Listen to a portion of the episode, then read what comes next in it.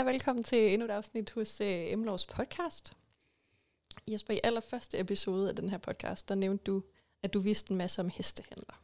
Det er rigtigt, ja. Det gør ja. jeg en lille smule. Jeg har, jeg har lavet utrolig mange hestehandler tidligere. Øh, jeg havde tidligere en, øh, en øh, ansat, Karen, mm. som var utrolig interesseret inden for heste.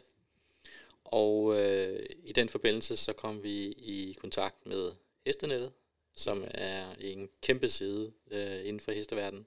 Ja, jeg husker den godt. Du husker den godt, ja. Og øh, det kom så langt, så vi rent faktisk lavede øh, nogle forskellige standardkontrakter, mm. øh, som blev lagt op på Hestenettets side, som Karen lavede, og så, som jeg var inde over at godkende osv. Og, og øh, ja, det tror jeg umiddelbart, at de kontrakter er nok er blevet brugt mange hundrede gange efterhånden øh, til at gennemføre hestehandler. Ja. Og det medførte, at vi ja, helt tilbage fra den gang, jeg tror det er en 10-12 år siden eller sådan noget, mm. at så kom der løbende, ja kan man sige, reklamationssager og andet ind, som vi så har beskæftiget os med. Øh, og efterfølgende har jeg så overtaget, kan man sige, lidt den del efter, at Karen stoppet som, som min ansat, og røg ind i forsikringsverdenen i stedet for. Så derfor har jeg løbende haft ja, lidt forskelligt inden for, for den her branche, selvom det kan man sige, det er lidt niche. Øh, men det ligger faktisk inden for, kan man sige, et område, som jeg har beskæftiget mig ufattelig meget med øh, mm. øh, over årene, netop købeloven. Ja. Så, så det er ikke sådan helt, altså selvom det er heste, så er det ikke sådan helt, kan man sige, fjernt fra den juridiske virkelighed, jeg normalt bevæger mig i, i forhold til, til købeloven. Nej. Og så kom der jo sidst, øh, sidste år kom der jo så nye regler. Ja, det gjorde der, ja. Og det var blandt nogle af dem, som vi skal gennemgå i dag, fordi det har medført nogle ret store ændringer ja. øhm, til, til købeloven og til de øh, regler, som man skal bruge, øh, når man tænker lidt over, hvordan man normalt agerer som forbruger øh, i forhold til, når man køber noget i en butik eller tilsvarende. Ja, for det virker jo lidt specielt, at det på den måde har været sidestillet. altså med et, et, ligesom en iPhone eller noget ja. andet, selvom det er et levende dyr. Præcis, ja. Men det er det, der er blevet om på, og det tænker jeg, vi skal tale lidt om. Jeg glæder mig til det. Det er godt. Vi går i gang.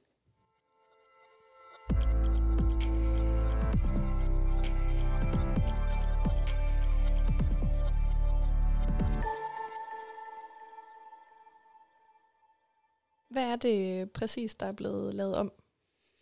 Jamen det, der blev lavet om, det var øh, 1. januar i 22, var det, tror jeg, den trådte i kraft, øh, at man lavede en ny bestemmelse øh, i, i købeloven, hvor at man undtog hestehandler specifikt mm. øh, for at være omfattet af forbrugerafsnittet i købeloven. Ja. Og øh, ja, det betyder, at det sådan rent teknisk er det, vi kalder for som udgangspunkt, hvis det er mellem, kan man sige, det vi normalt ser, altså mellem to forbrugere, der køber og sælger til hinanden.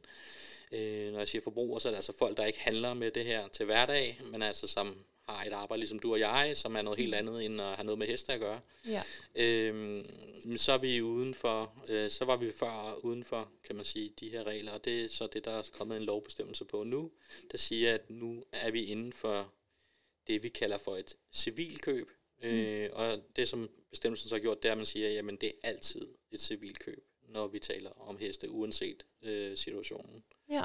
Øhm, og øh, når vi er uden for forbrugerdelen, så er vi over, kan man sige, i den generelle del af købeloven, og øh, den er lidt mindre, kan man sige, beskyttelsespræceptiv. Øh, altså det vil sige, den, den, den beskytter ikke, øh, kan man sige, køberen, altså forbrugeren, Mm. På samme måde, som man ellers tidligere. Man har ikke de samme rettigheder, øh, som man ellers, hvis man for eksempel købte øh, en iPhone, og den gik i stykker. Ja.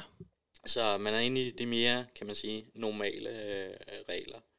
Øh, og det gør, at man skal se sig måske lidt mere for, når man har handler med heste. Mm. Øh, og man har lidt mere, kan man sige, balanceret øh, regler i forhold til øh, både køber og sælger. Ja. Øh, og når jeg siger balanceret, så mener jeg på den måde, at normalt er det køberen som forbruger, øh, som har nogle yderligere rettigheder, hvis vi er inde i forbrugerafsnittet. Mm. Og det er særligt i forhold til, kan man sige, reaktionsmuligheder, hvis der er noget, der går galt. Altså hvis der opstår en, en mangelsituation. Ja. Okay. Øhm, så det er sådan på den helt overordnet klinge, hvis man skal sige det ja, sådan. Ja, den, med ja. den helt brede. Ja. Øhm, hvad betyder det så, altså lavpraktisk? Ja, man kan sige, den helt store ændring øh, eller situation, som man normalt øh, kigger ind i, det er jo den her situation, hvor der opstår en mangel. Mm. Øhm, og hvis vi nu har købt en iPhone eller noget andet nede i Elgiganten, eller hvor vi nu kan finde på at købe det, jamen så var udgangspunktet, at vi har det, der hedder formodningsreglen. Ja. Øh, og formodningsreglen går ud på, at øh, inden for en given periode, øh, den er så også løbende blevet ændret, jamen så øh, hvis du, der opstår en mangel, så, så kunne man altid fastslå, jamen så er det som udgangspunkt en mangel, der var på det tidspunkt, hvor risikoen gik over, det vil sige altså det tidspunkt, hvor du fik øh, varen. Mm.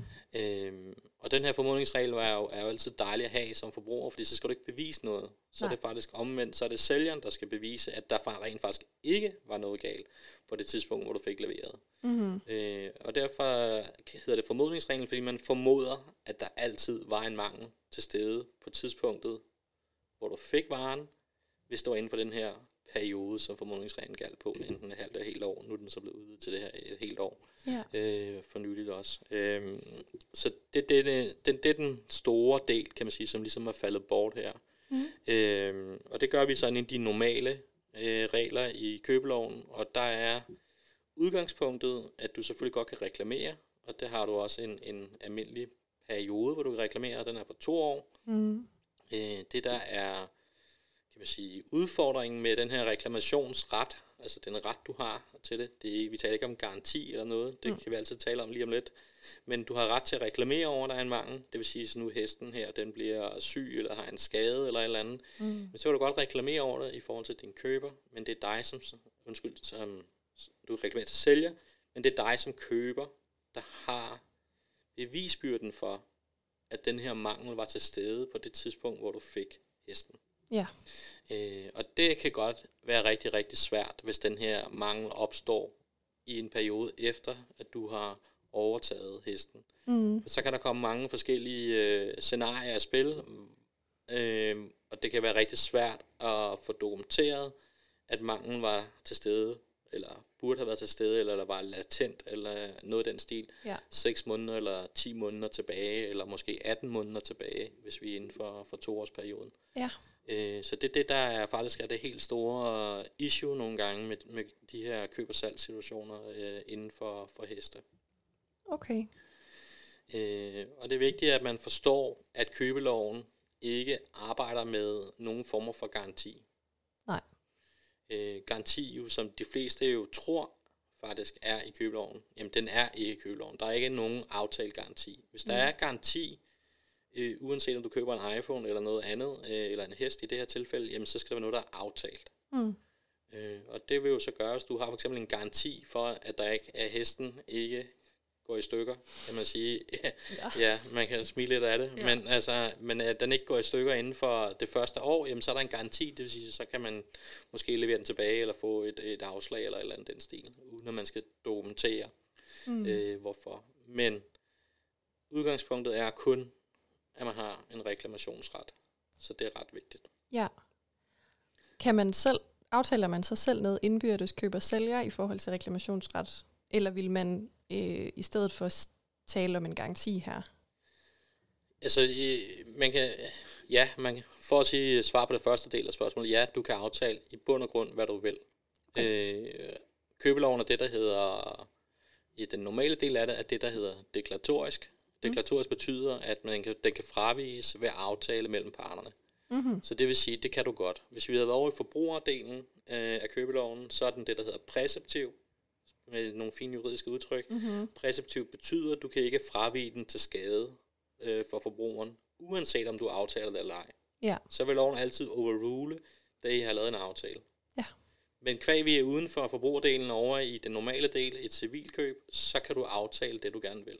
Mm. Og min anbefaling er da, både, altså i hvert fald også, hvis man skal rådgive øh, en sælger lidt, mm. at, øh, at forkorte den her reklamationsperiode. Øh, fordi ja. det er rigtig lang tid, og specielt når vi har med levende dyr at gøre, at, man skal, at der skal komme et eventuelt krav øh, 18 måneder eller 20 måneder efter man har overdraget en hest.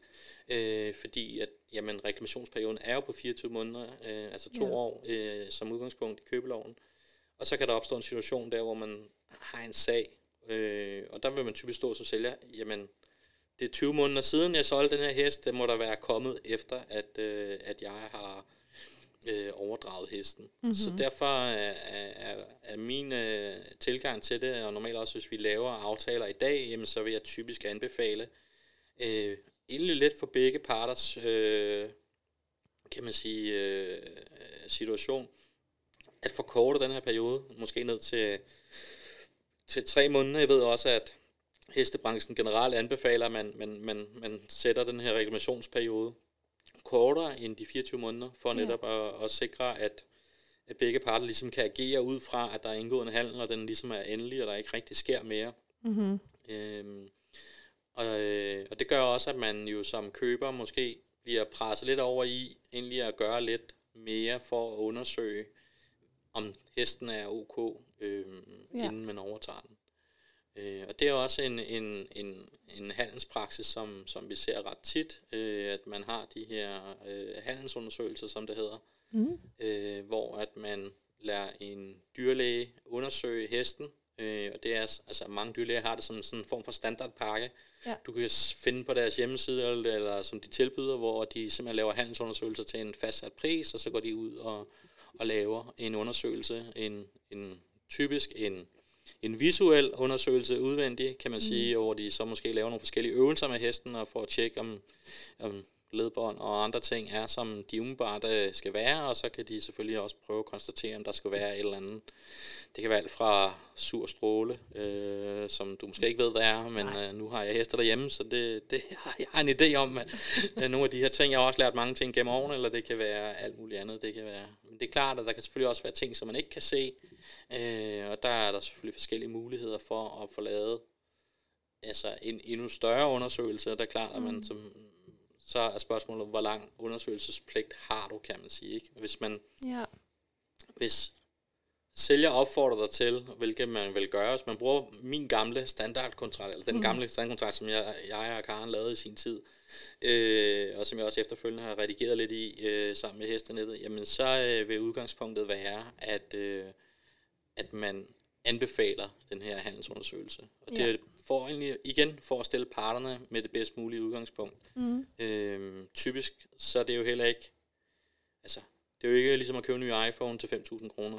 Så er det i hvert fald ikke den typiske hestehandel. De fleste hestehandler er en lidt større økonomi. Mm-hmm. Øh, plus at den økonomi, der følger med, ved at du overtager en defekt øh, syg hest, er, mm. kan også være ret stor. Så derfor er det, hvad hedder det, øh, så, så er der gerne lidt flere, kan man sige, undersøgelses øh, ønsker øh, i sådan en handel, end der normalt vil være. Ja, for eksempel sådan noget som blodprøver, eller hvad for?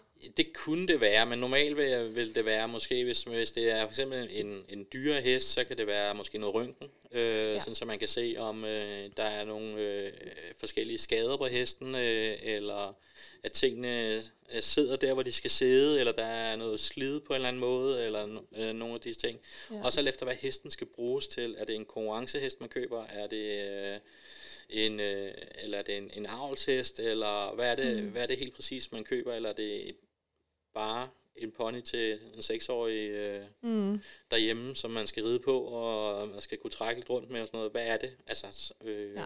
Eller er det en... Det kan også være en meget, meget dyr pony, som er rigtig god til at springe, eller det kan være et eller andet, øh, så kan, så kan det hurtigt, det kan hurtigt blive mange penge. Øh, ja.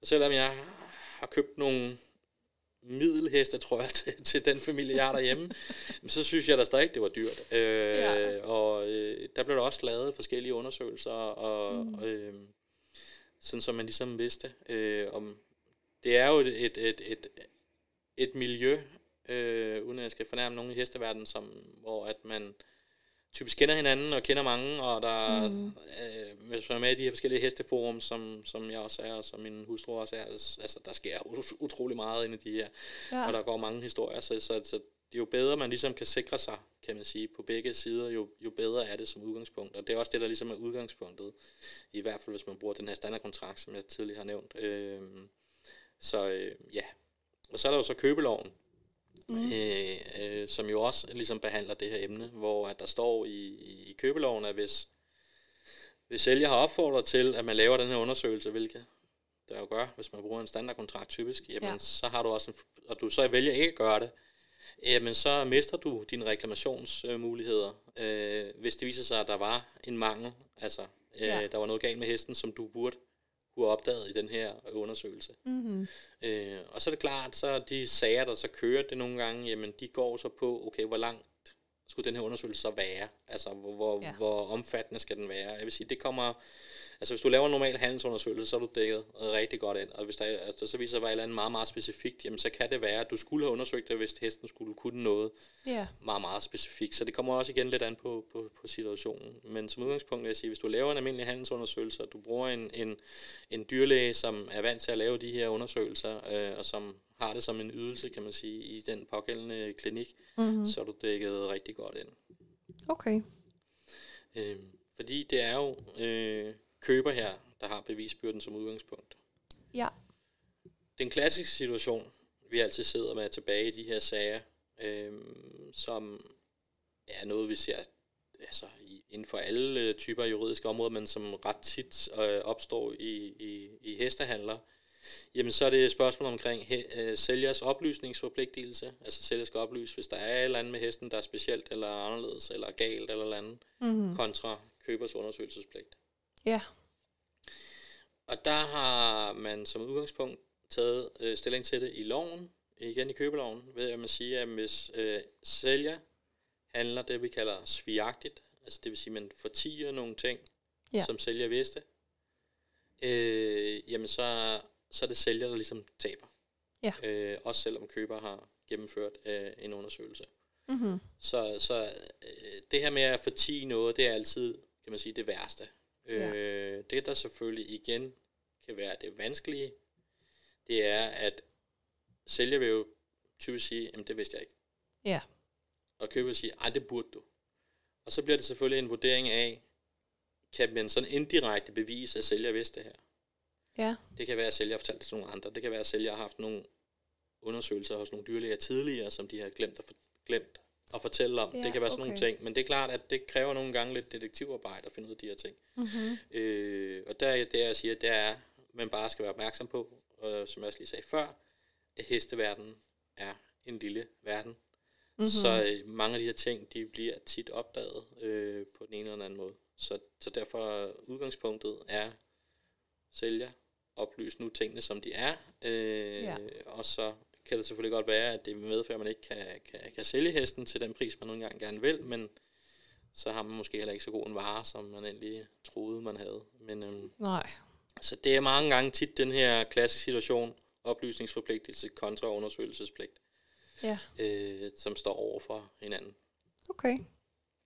Og så er der jo så rigtig mange situationer også, hvor køber vurderer, at ah, men det her det er jo en, en hest til kun anførselstegn igen, 50.000 kroner eller et eller andet, eller andet. Så jeg synes måske, det er spild af mine penge at bruge øh, 10.000 kroner på en handelsundersøgelse, øh, så det vil jeg ikke. Men så efterfølgende viser det sig, at der var et eller andet galt med, med hesten. Mm. Øh, og så øh, siger sælger, at det burde du have opdaget, hvis du har lavet den her handelsundersøgelse, det har valgt du ikke at gøre, så derfor er det din egen skyld, og så får vi de her klasse situationer.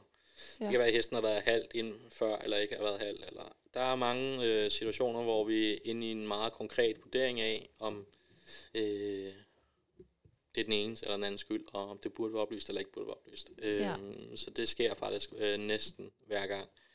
Men altså, udgangspunktet er i hvert fald, at, at, at reglerne omkring undersøgelse øh, står i købeloven, og når der er blevet opfordret til det, hvilket der typisk vil være, så, så bør man også gå med på det øh, og få lavet. Det man typisk aftaler også i de her aftaler, det er, at der kan være, øh, hvad hedder det, en fælles udgift til det. Det kan også være, at sælger har lavet en undersøgelse, eller lavet en undersøgelse selv, som man vedlægger. Det gør de også nogle gange. Mm. Øh, det lidt, lidt, hvis du skal sammenligne det lidt med et hus, hvis vi skal prøve at gøre det. Ja, det var også lige den tanke, jeg fik. Det lyder ja, meget øh, bekendt på den ja, måde. Ja, så er det jo sådan noget med, at man laver den her øh, tilstandsrapport, kan man sige, som man, ja. man vedlægger, hvis man skal sige det sådan. Ja. Øh, og det, det ser vi også nogle gange, og det kommer jeg igen også an på, hvad er købesummen. Jo klart, jo højere købesummen er, mm-hmm. jo større interesse har sælger i også at dokumentere, at den her hest er i orden. Ja. Og derfor øh, er det også en gang imellem, vi ser, at sælgeren laver det på forhånd, øh, og ligesom siger, okay, men du kan se her, og så er det klart, så, så fjerner man lidt af, af, af købers øh, øh, incitament til at lave en ny undersøgelsesforpligtig, eller en ny undersøgelse, fordi der ligesom ligger en, og så har sælger ligesom påtaget sig den risiko, men, men til gengæld også oplyst handlen på, på et højere niveau, end man normalt vil gøre. Ja, okay. Men sådan rent tech, eller sådan rent betalingsmæssigt ser vi ret tit, at der kan være aftaler om, at parterne de deler den her udgift. Det er ligesom mm. en del af det. Ja. Eller man sætter købesum efter, at køber skal lave den her undersøgelses, øh, okay. øh, undersøgelse. Ja. Så, og jeg ved også, at øh, de danske, altså den danske dyrlægeforening, de anbefaler, at man bruger den her handelsundersøgelse i forbindelse med øh, gennemførsel af hestehandler. Ja. Øh, og rigtig mange øh, dyrlæger, som har en eller anden form for speciale inden for heste, jamen de har det som et standardprodukt, Ja. hvor der er en fast pris, som man ligesom ved på forhånd, okay, men det koster 5-10.000 kroner, eller alt efter, hvad man skal lave, og så kan det jo sige, hvis du så skal lave røntgen, så bliver det dyre, og det bliver som regel også en lille smule mere besværligt, det man skal huske på nogle gange, det er, som, det er ikke alle folk, der tænker over det, der. Er heste, de er jo forholdsvis stort dyr, så man, øh, det kræver lidt øh, altså, transport, hvis de skal sådan nogle ting, man kan ikke bare lige få taget et røntgenbillede på den måde. Nej. Øh, det kræver også, at man skal ind et specifikt sted for at få gjort det her. Mhm. Øh, så ja, så det er lidt mere besværligt nogle gange, øh, fordi de er så store øh, Ja. dyr, som de er. Men som du siger omvendt, hvis det er, at man ved, jamen det er en, en hest, der skal konkurrere på et vist plan, Ja. ja. så giver det da nok meget god mening, fordi jeg tænker, at købesummen så også er derefter, og man forventer Ja, en altså, vis standard. det er klart, at der, der, der er jo, hvad hedder det, købesummen bliver jo højere, jo, jo bedre de er til at konkurrere, øh, Mm. og dermed også, øh, hvis jo bedre de er til at konkurrere, jo, jo mere kan de måske også bruges til avl efterfølgende, og ja, det er jo typisk faktisk ikke hesten i sig selv, der er penge værd, men det er faktisk den, øh, den mulighed for, at de kan producere enten øh, sæd eller føl, som gør, at, øh, at man kan sælge det bagefter, som gør, at det kan blive rigtig mange penge værd, hvis hesten performer på et rigtig højt niveau. Mm. Øh, så det er faktisk lige så meget, kan man sige, det, den mulighed for, at der kan komme flere, hvis man skal sige det sådan, Ja. øh, at der er penge i den her verden. Mhm. Øh, sådan så, at man for eksempel kan få et følge af en eller anden hest, dressurhest eller springhest, som præsteret på et godt højt niveau og deltaget, i internationale konkurrencer eller et eller andet den stil og fået scoret gode point eller er rigtig god til at springe eller et eller andet. Ja. Øh, og så er det så, at det man ligesom satser på og tror på, at et følge også kan, eller flere følge kan. Øh, Klart. så det er, ja, Okay. Så det er også lidt stamtavlen, man køber. det er det lidt, ja. Det er det meget, ja. Det er det, ja. Mm. Det er det meget. Det er også derfor, man har set de her hestekåringer og så videre nu. Nu ved jeg selvfølgelig mange, der lytter til den her podcast, måske ved lidt omkring verden, så vi behøver måske ikke gå helt i detaljer omkring det, men altså, så... Men det, man skal huske på, hvis vi skal køre tilbage til emnet, øh, det er jo, at man har det, man kalder risikoovergangen. Ja. Øh, og risikoovergangen, jamen, det er jo på den tidspunkt, hvor sælger giver træktåret til køber, og så er det køber, der ligesom har Mm-hmm. overtaget risikoen der, altså på udleveringstidspunktet. Det er der, risikoen går over. Det vil sige, at øh, skulle man forestille sig den situation, at køber øh, kører ud til sælger for at hente hesten med sin hestetræler, Mm-hmm.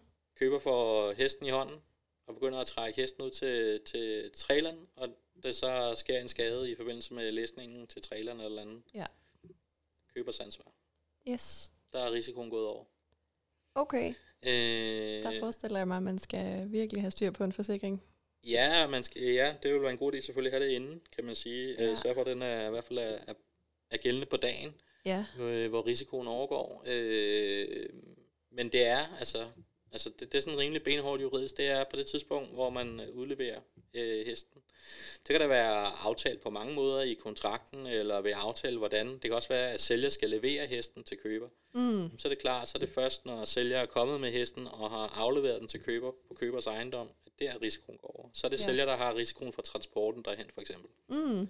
Øh, så det er lidt forskelligt, hvad man har aftaler i de her situationer. Øh, som udgangspunkt kan man sige, at købeloven arbejder med det princip om, at køber skal afhente varen øh, på sælgers plads, hvis vi skal sådan køre sådan helt ned i, Okay. i udgangspunktet i købeloven. Så, Ja, så jeg vil også sige, normalen er nok, at man kører ud med sin egen trailer og henter hesten hos øh, sælger.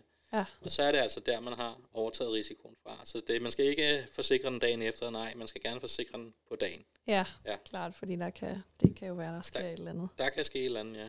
Mm. Så det, øh, ja, det skal man have styr på øh, lige fra dag i dag. Altså så tage fat i ens forsikringsselskab allerede inden, lige snart man har underskrevet øh, købekontrakten øh, ja.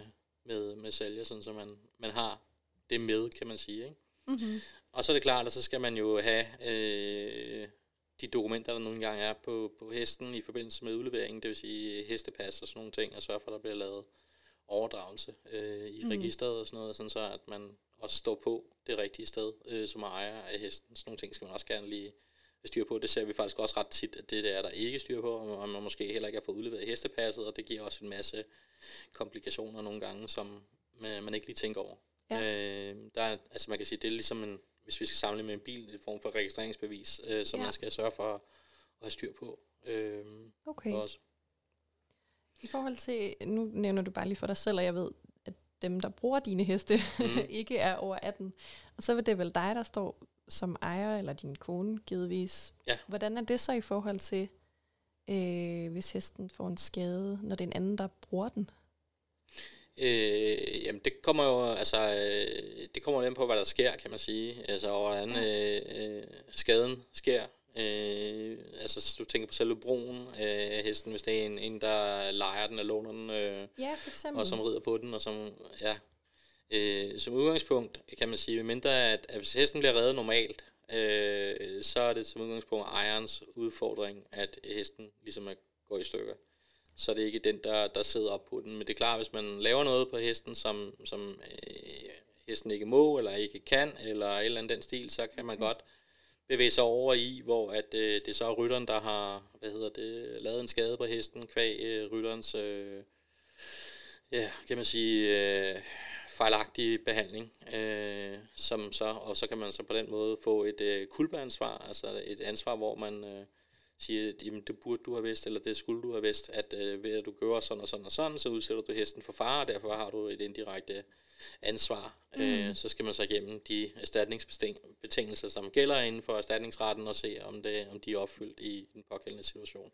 Ja. Men ellers er det så udgangspunkt ejerens risiko, at man, øh, hvad hedder det, øh, man har rytter på den, kan man sige. Typisk mm. er det også rytter i ejerens interesse. Det skal man også huske på, øh, fordi at øh, rytterne jo netop øh, rider hesten for, at den kan opnå nogle placeringer, eller få nogle point, eller eller andet, eller blive bedre, øh, mm, og, der, ja. og derfor også øh, udvikler sig og, og giver mere værdi. Altså, så det er ikke altid i rytterens interesse nødvendigvis, øh, men lige så meget i ejerens interesse, at øh, de her ting er, det har ikke så meget med, kan man sige, selve hestehandlen Nej, det var også bare, fordi jeg ja. blev nysgerrig. Ja, for jeg men, ved men, men, ja, men det kommer meget ind på den konkrete situation. Ja. Øh, det er klart, at hvis man har overladt hesten til en professionel, øh, som skal udvikle hesten, det kan være en berider eller noget af den stil, mm. som skal eller andet, så har berideren typisk en ansvarsforsikring, som øh, går ind og dækker, hvis de kommer til at lave en skade på hesten. Okay. Øh, ligesom vi har en ansvarsforsikring, når vi som professionelle udøver rådgivning over for forskellige mennesker, øh, ja. jamen, så vil det typisk øh, vil berider også have en ansvarsforsikring, som dækker øh, skader, hvis det skulle opstå. Okay. Igen kommer nok også an på, hvad det er for en skade, der opstår, altså, mm. og hvordan den opstår. Øh, men, men ja, det er i hvert fald, øh, det er i hvert fald udgangspunktet. Yeah. Øh, så vi er inde i, inde i nogle andre regler, altså de almindelige erstatningsregler, som man vil kigge på i de pågældende situationer. Okay. Og hvis varetægt hesten var, og hvor den var, og hvordan situationen var.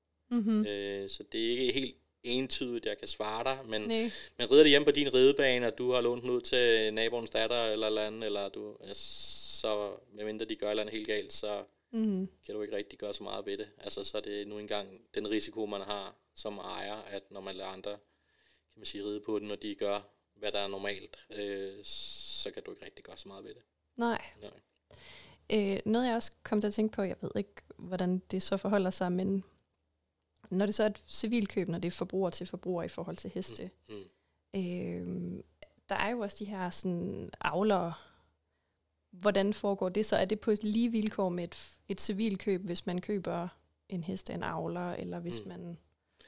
Ja, jeg ved ikke, fordi det, det, det, så det, som loven går at sige, det er, at øh, køb af levende heste. Alle køb? Alle køb. Ja, okay. Øh, så det er de samme regler, der gælder, kan man sige. Så man er ikke, man er ikke forbruger beskyttet på samme måde, som man var øh, før, øh, hvis man skal sige sådan, når vi vender under forbrugerreglerne. Så Nej. nej, så, så køb af levende heste er simpelthen undtaget for forbrugerkøb. Sådan. Ja, så det, så det skal man lige huske. Godt. Jamen, øh, er der andet, du har lyst til at nævne, før vi lige slutter af? Jeg tænker, at øh, jamen ikke andet, at det, det er jo selvfølgelig et område, som er, øh, hvor jeg ved, der er mange følelser involveret. Øh, Ja. Og følelser og, og nogle gange øh, sund fornuft hænger ikke altid sammen. Mm-mm. Øh, og så typisk også, øh, uden at fornærme igen nogen, øh, så er det typisk et område, hvor nogen får, får købt sig, Mm. øh, fordi at øh, man gerne vil have noget, der er rigtig godt. Øh, og det gør så, at man måske sparer pengene på en handelsundersøgelse, fordi så har man lige råd til at købe den hest, man helt vildt gerne vil have. Ja. Og det bliver de sureste sparede penge i ens liv nogle gange. Så anbefalingen er, at når man køber noget, øh, specielt heste, så får lavet den handelsundersøgelse, og har man ikke råd til handelsundersøgelsen, så er min anbefaling, så har man heller ikke råd til hesten, fordi at hvis der så opstår noget bagefter, så har man slet ikke råd til at køre den sag, som man, man har, og plus man måske står rigtig, rigtig dårligt juridisk. Ja. Ja, så det var måske de bemærkninger, jeg kan komme med til Ja, det. ja, ja, Men det er da også øh, dejligt konkret. det er det forhåbentlig, ja. Så vil jeg øh, sige tak for i dag. Jeg Ja. håber, at, øh, at det her har givet et godt indblik til dem, der, som du siger, det kan måske godt være lidt niche, det her. Det er lidt, ja. Men det minder meget om meget af det, vi andre laver, og specielt også fordi, at vi har jo en rigtig stor, ikke niche, men og jo en anden niche, der hedder biler, øh, hvor mm. vi laver rigtig mange sager, og det er jo også noget med købeloven at gøre, så vi, øh, det er Det er kendt territorie. specialeområde, kan man sige, for, Mm. for, for vores kontor, det her med købelovs øh, sager, om det er den ene eller anden slags, det gør sådan sådan ikke voldsomt meget for den juridiske del af det. Nej. Nej. Altid. Ja. Øh, hvis der er andre emner, man, man kunne tænke sig at lære lidt mere omkring, øh, så er man velkommen til at tage kontakt til os. Det er man altid. Vi står altid klar. Det gør Vi vi. er gået i gang med at planlægge næste års indhold, så I kan bare komme med idéer. Det gør vi. Og med det, så vil jeg sige tak for i dag. Selv tak, Jule.